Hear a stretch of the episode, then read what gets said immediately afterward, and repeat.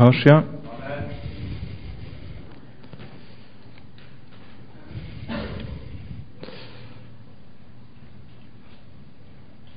Jag tänkte predika över ett speciellt tema idag.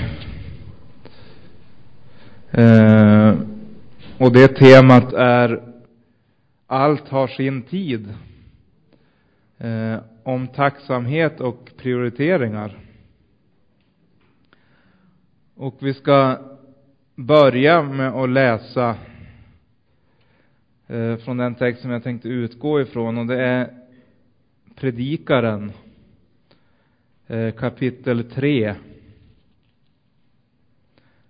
eh, från vers 1 till 15.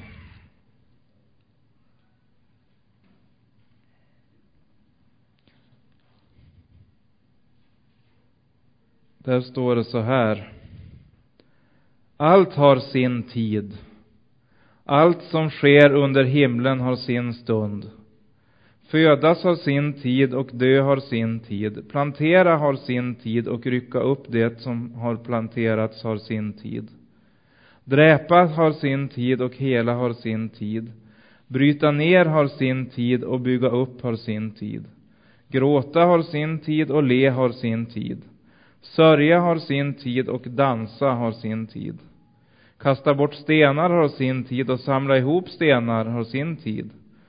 Ta i famn har sin tid och avhålla sig från famntag har sin tid. Söka upp har sin tid och tappa bort har sin tid. Förvara har sin tid och kasta bort har sin tid. Riva sönder har sin tid och sy ihop har sin tid. Tiga har sin tid och tala har sin tid. Älska har sin tid och hata har sin tid. Krig har sin tid och fred har sin tid. Vad vinner då den som arbetar med sitt slit? Jag såg den möda Gud har gett människors barn att sträva med. Allt har han gjort skönt i sin tid. Också evigheten har han lagt i människornas hjärtan. Ändå kan de inte förstå Guds verk från begynnelsen till änden. Jag insåg att det inte finns något bättre för dem än att vara glada och göra gott så länge de lever. Och när en människa äter och dricker och finner glädje i sin möda, då är det en Guds gåva. Jag insåg att allt det som Gud gör består för evigt. Till det kan inget läggas och från det kan inget dras. Så har Gud gjort för att man ska frukta honom. Det som är fanns redan förut, det som kommer att ske skedde också tidigare. Gud kallar på det förflutna.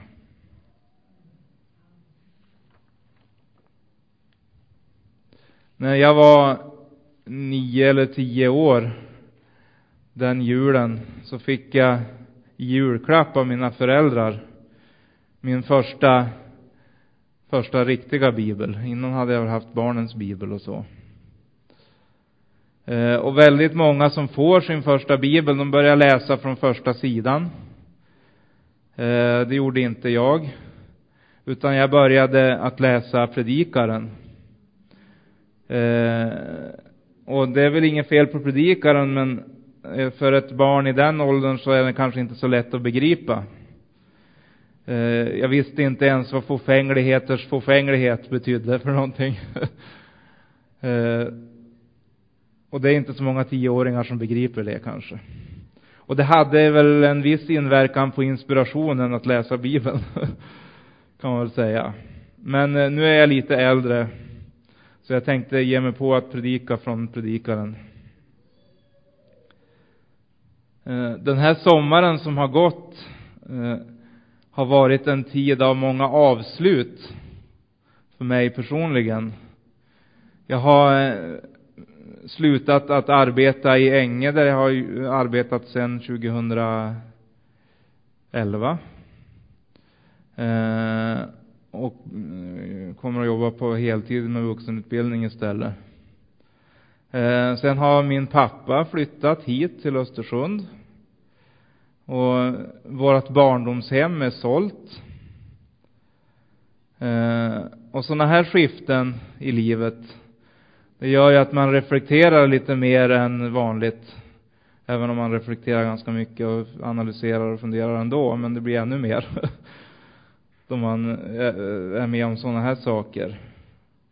Och eh, att allt har sin tid.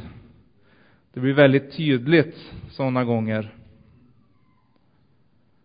Och jag tror att man kan se tillbaka på det som har varit på två olika sätt i huvudsak. Antingen så kan man titta tillbaka och så kan man bli bitter över att allt inte blev som man hade tänkt. Eller också kan man tacka Herren för det som har varit och att han har varit med trots allt i alla omständigheter. Eh, och att han har gett oss så mycket.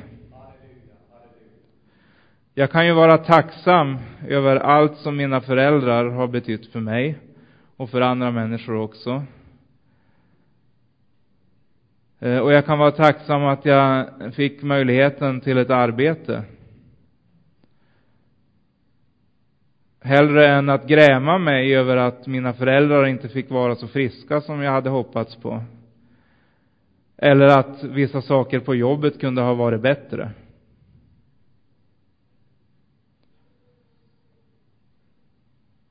Tacksamhet är ju någonting viktigt. Och vad, var har tacksamheten sin grund någonstans? Jo, vi har fått en gåva av Herren som är den största av dem alla. Som vi kan läsa om i Efesiebrevet kapitel 2, vers 8 till 10.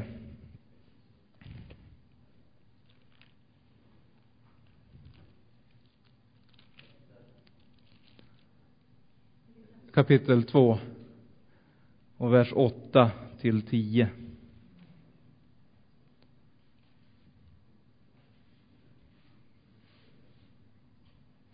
Där står det Ty av nåden är ni frälsta genom tron, inte av er själva, Guds gåva är det, inte på grund av gärningar, för att ingen skall berömma sig. Ty hans verk är vi, skapade i Kristus Jesus till goda gärningar som Gud har förberett så att vi skall vandra i dem.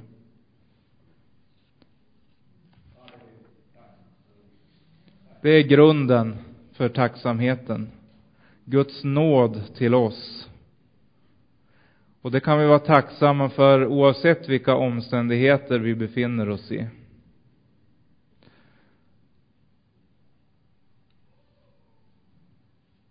Vi vet ju att våra liv är korta. Det går ganska fort. Men predikaren skriver ju att evigheten är lagd i våra hjärtan och att det Gud gör består för evigt.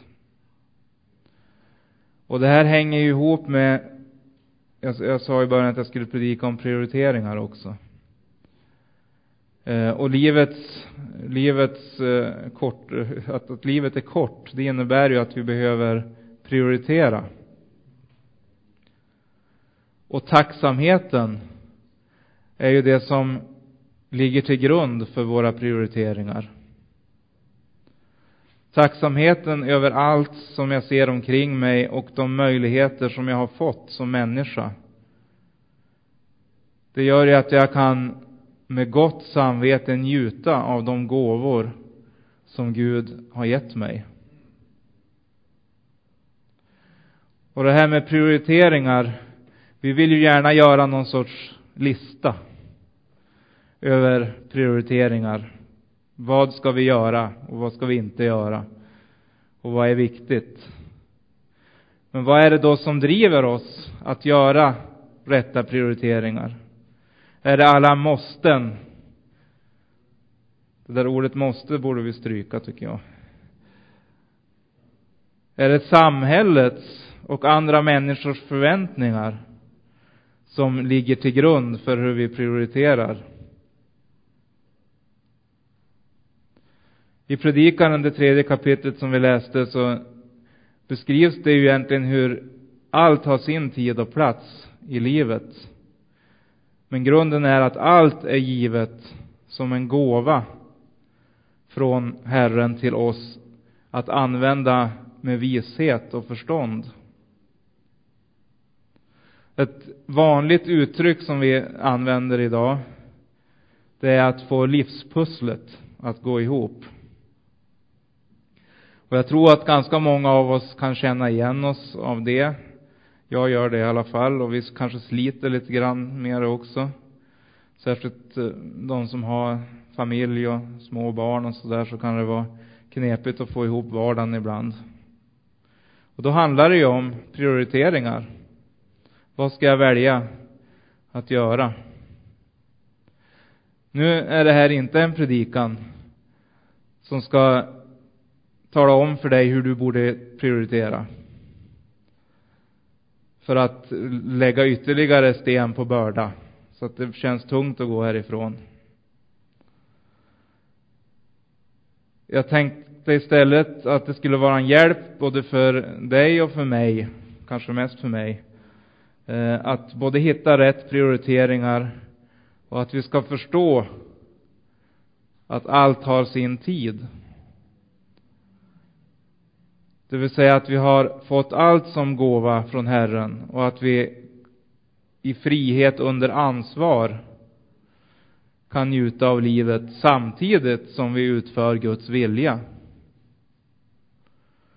Livet består ju av många olika saker som jag tycker beskrivs ganska bra här i predikaren. Det är både slit och möda och sorg och glädje och vila och arbete.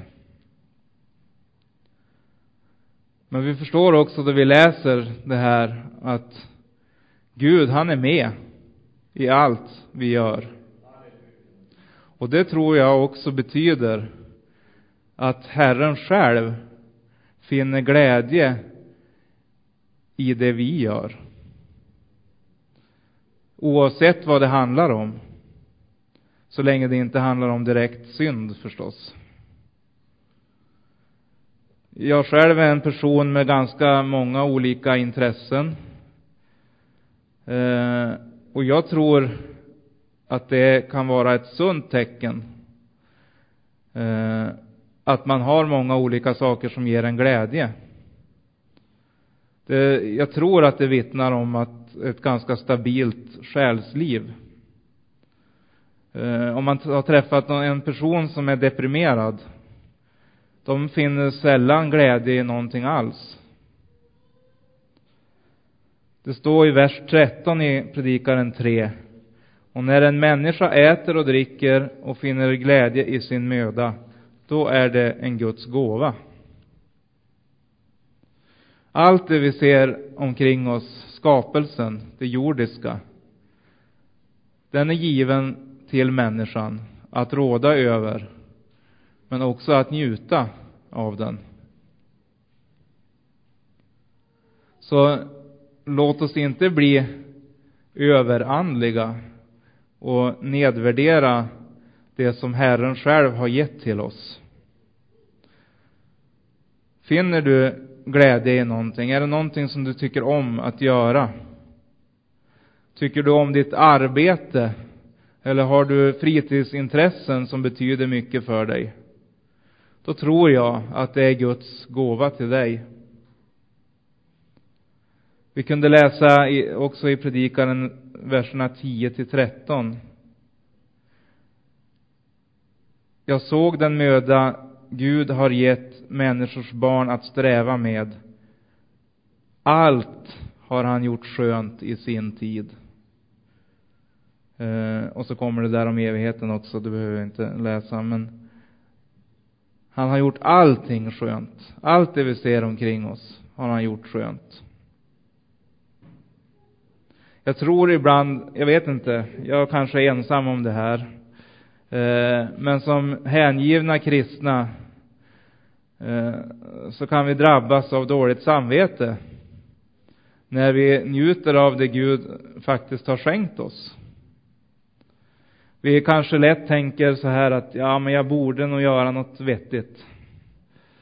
Eh, och vad är det som vi räknar som vettigt då? Ja, det kanske är bön och bibelläsning och möten och vittnande och så vidare. som är jättebra saker. Jag säger inte att det är dåligt. Det är jättebra saker. Och det är en självklar del av den kristnes liv. Men ibland tror jag att vi har gjort det andliga livet till någonting som ska adderas till. Det ska läggas till det vi redan gör. Eh, det vi brukar kalla för det naturliga livet. Eller vardagslivet. Och då missar vi lätt det Herren har för våra liv och det han vill för våra liv. Jag tänker, är vi inte kallade att vandra tillsammans med Herren mitt i vardagslivet och låta hans liv få genomsyra allt vi gör och alla timmar på dagen oavsett var vi befinner oss. Jag tycker att det vi läste från predikaren talar om det. Att Herren är med oss på jobbet och han är med oss på hockeymatchen och vad vi än tar oss för. Eh, nu är ute och löptränar eller, ja, nu var det, min, det var mina intressen där som kom fram. Eh, eller går ut med hunden eller till och med när vi dricker kaffe kan han vara med. Lite mer tveksamt där. Men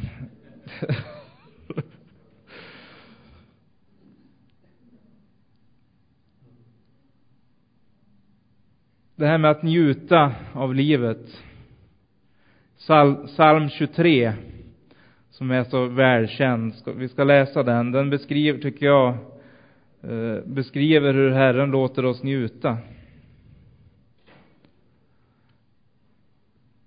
Saltaren 23.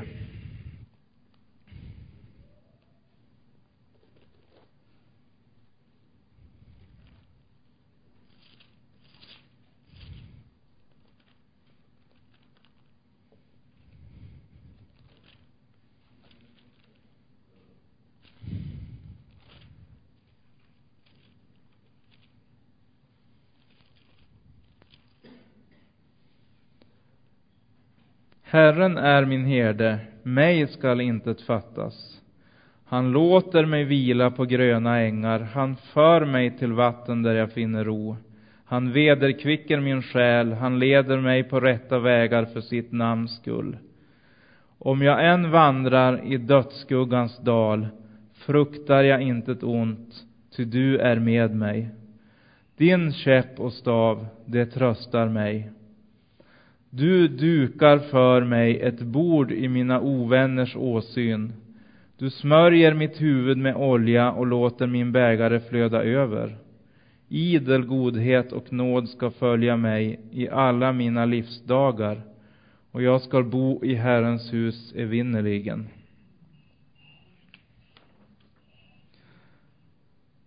Det här är ju fantastiska bilder för vår gemenskap med Herren. Men det finns ju också en väldigt fysisk dimension av det här. Gröna ängar att vila på. Vatten där jag finner ro. Mina tankar går till att ligga på en fjällsluttning och höra suset från vinden och en pålande fjällbäck. För mig är det nästan så nära himlen man kan komma.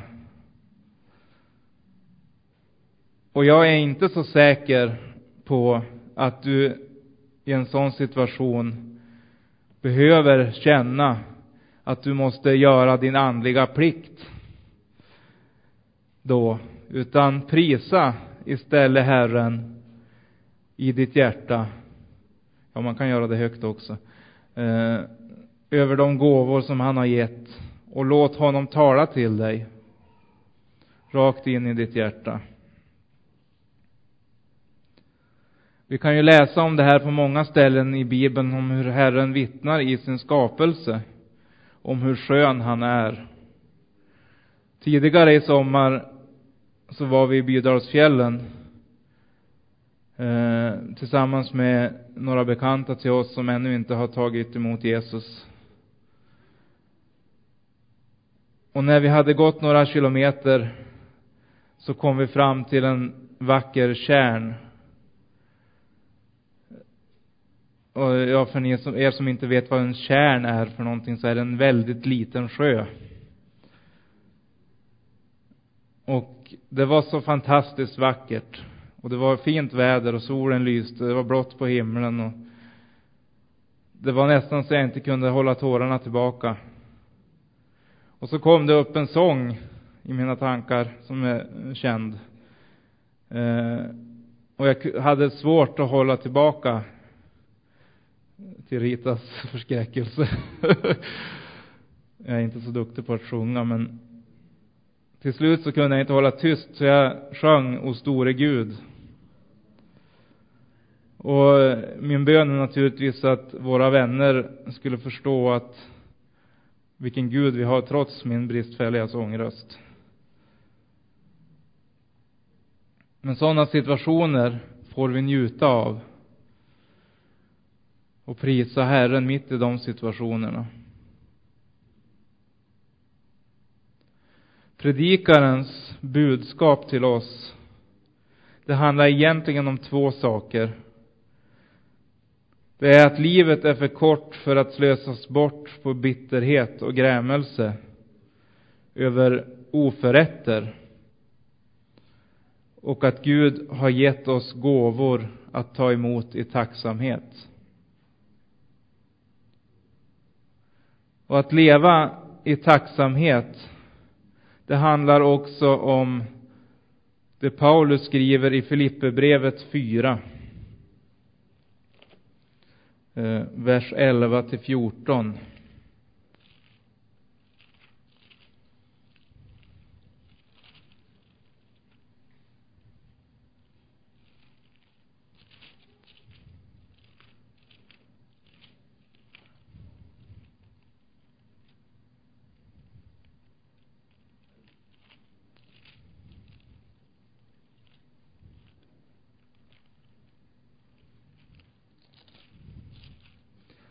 Eh, 4, 11 till 14. Har jag satt fel? Nej, där.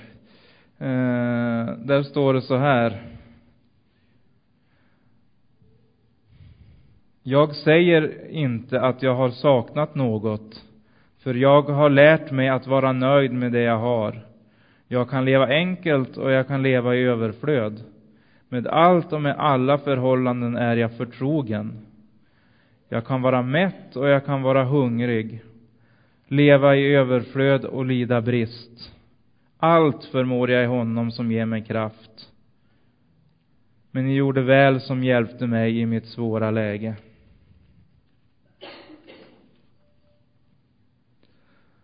Tacksamhet är i grunden en attityd som ärar Herren oavsett omständigheter. Inte om hur mycket eller hur lite vi har fått. Om förnöjsamhet och tacksamhet över den största gåvan, Jesus Kristus, får vara grunden för våra prioriteringar. Då har vi kommit en bit på väg. Då får vi både ett här och nu perspektiv. Där vi kan stanna upp och njuta utan dåligt samvete och utan att tappa fokus. Men han har också lagt evigheten i våra hjärtan. Så vi har också framtiden framför våra ögon. Så han har skänkt oss allt med honom. Så att vår tacksamhet kan bubbla över och komma andra människor till del, både i ord och handling. Tacksamhet och glädje, det hör ju ihop. Vi läste tidigare i Filipperbrevet och vi kan läsa Paulus uppmaning att gläd er alltid i Herren. Än en gång vill jag säga, gläd er. Och glädjen, det är ju en andens frukt. En positiv konsekvens av livet med Herren. Och samtidigt så är det det som driver våra liv framåt. Det är inte piskan som driver oss framåt, utan det är glädjen över att få tillhöra Herren. I Saltaren 100 så står det så här. Höj jubel till Herren, alla länder. Tjäna Herren med glädje. Kom inför hans ansikte med jubelrop. Besinna att Herren är Gud. Han har gjort oss och inte vi själva. Vi är hans folk och får i hans jord. Gå in i hans portar med tacksägelse, i hans gårdar med lov. Tacka honom, lova hans namn. Ty Herren är god, hans nåd varar i evighet, hans trofasthet från släkte till släkte. Vi kan tjäna Herren med glädje eftersom det är han som har gjort oss. Det är han som har betalat priset. Det är han som har gett oss sin nåd. När lagiskhet vill komma in i våra liv och vår gemenskap med Herren, när den blir ett krav, ett måste, då försvinner glädjen. Och därmed också den rätta motivationen för våra liv. Som en av systrarna i våran cellgrupp sa en gång. Vi måste inte be, men vi får be. Det tycker jag var ett sånt fint uttryck för att bönen krävs inte för att öppna vägen till Gud. Utan vi tack vare Jesu försoningsdöd har fått möjligheten att komma inför tronen. Och vad har det här med prioriteringar att göra? Jo, när glädjen och tacksamheten finns på plats, tacksamheten över Jesus finns på plats, då är det så mycket annat som också faller på plats. Visst kan vi få kämpa ibland, och så hamnar vi i en massa valsituationer. Men motivationen att välja rätt och att bjuda in Herren i vårt vardagsliv, den ökar. Som jag sa innan så är inte min avsikt att göra en lista med vilka aktiviteter som du bör eller inte bör ägna dig åt. Eller hur mycket tid eller lite tid du ska lägga på saker. För där finns det en frihet. Vi vet ju att där Herrens ande är, där är det frihet. Sen har Herren själv faktiskt givit oss en prioriteringsordning. I Matteus evangeliet kapitel 33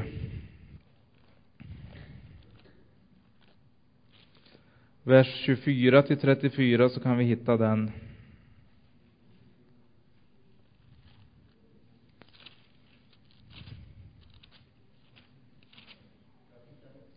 kapitel 33. Eller har jag skrivit fel kapitel?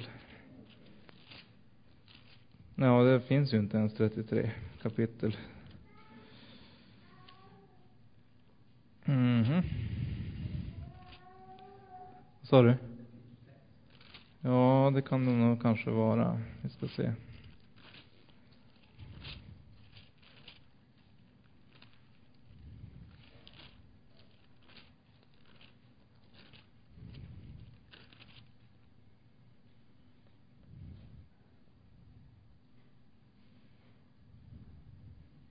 Ja, precis. Jag förstår inte. Det var stor skillnad på 33 och 6. Men kapitel 6.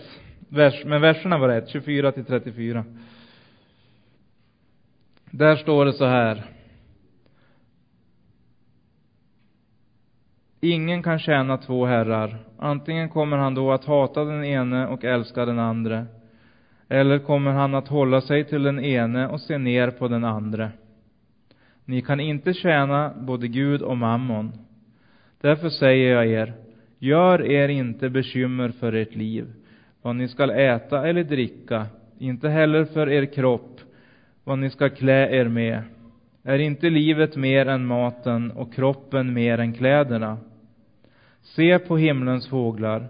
De sår inte, de skördar inte och samlar inte i lador, och ändå föder er himmelske fader dem.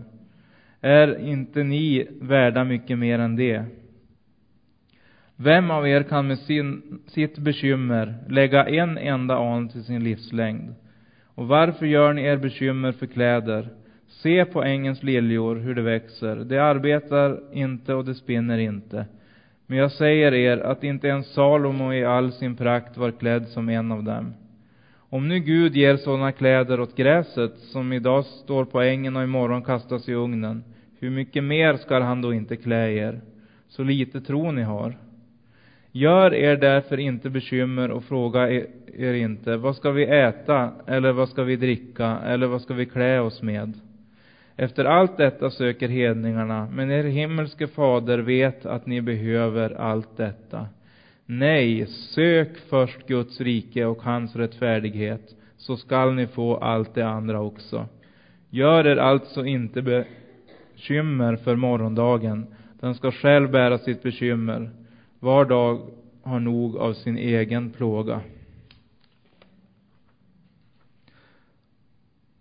Jesus han har två saker på sin lista. Gör er inga bekymmer, åtminstone inte innan de kommer. Och sök Guds rike först. Det är ju ett enkelt och rakt och tydligt budskap till stressade människor. Den är inte särskilt lång, listan. Våra listor brukar ju bli mycket längre. Den visar också att vi inte behöver jaga efter Guds rike. Jesus han säger ju att Guds rike finns mitt ibland oss. Och han uppmanar oss också att be att hans rike ska komma. Där Jesus är, där är Guds rike. Så att söka Guds rike, det är att vända sig till Jesus. Det finns inget hemligt eller mystiskt med det, utan det är enkelt. Vi bekymrar oss för så många saker. Och ibland kan man tycka att ja, men okej då, att bekymra sig för mat och kläder och så, det kan väl vara befogat i ett mänskligt perspektiv. Eh, själv så beky- i morse bekymrade jag mig över att de har höjt priset på Björklövens webbsända matcher.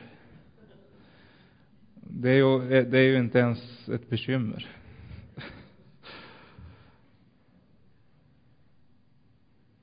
Så istället handlar det om att lägga en grund. Har du satt på kaffet förresten? Bra. Eh, lägga en grund av tacksamhet och glädje. Det var också ett bekymmer det där med kaffet.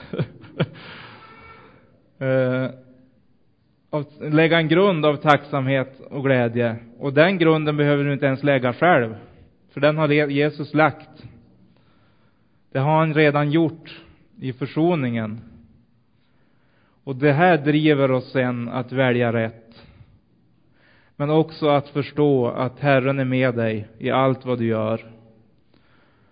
Eftersom han har lovat att han alltid ska vara med oss. Så du kan slappna av och njuta när tillfälle ges.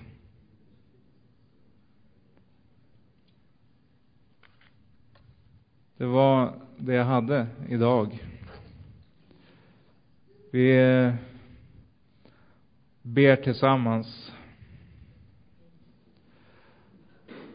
Tack Jesus. Jag prisar dig för att du har lagt en grund i våra liv. En grund som gör att vi inte behöver kämpa i vår egen kraft och som gör att vi kan slappna av och njuta av livet utan att tappa det som är vårt uppdrag och fokus.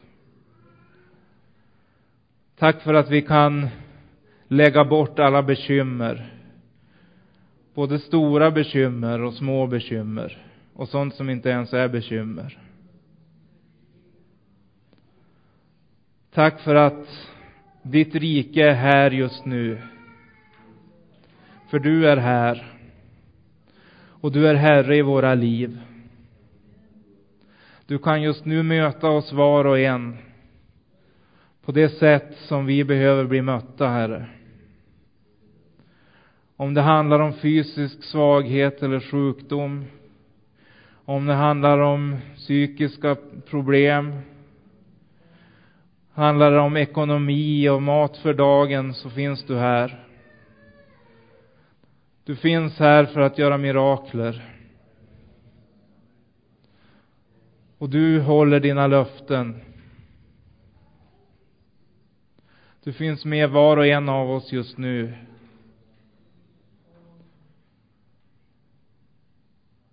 Du lägger dina händer på oss.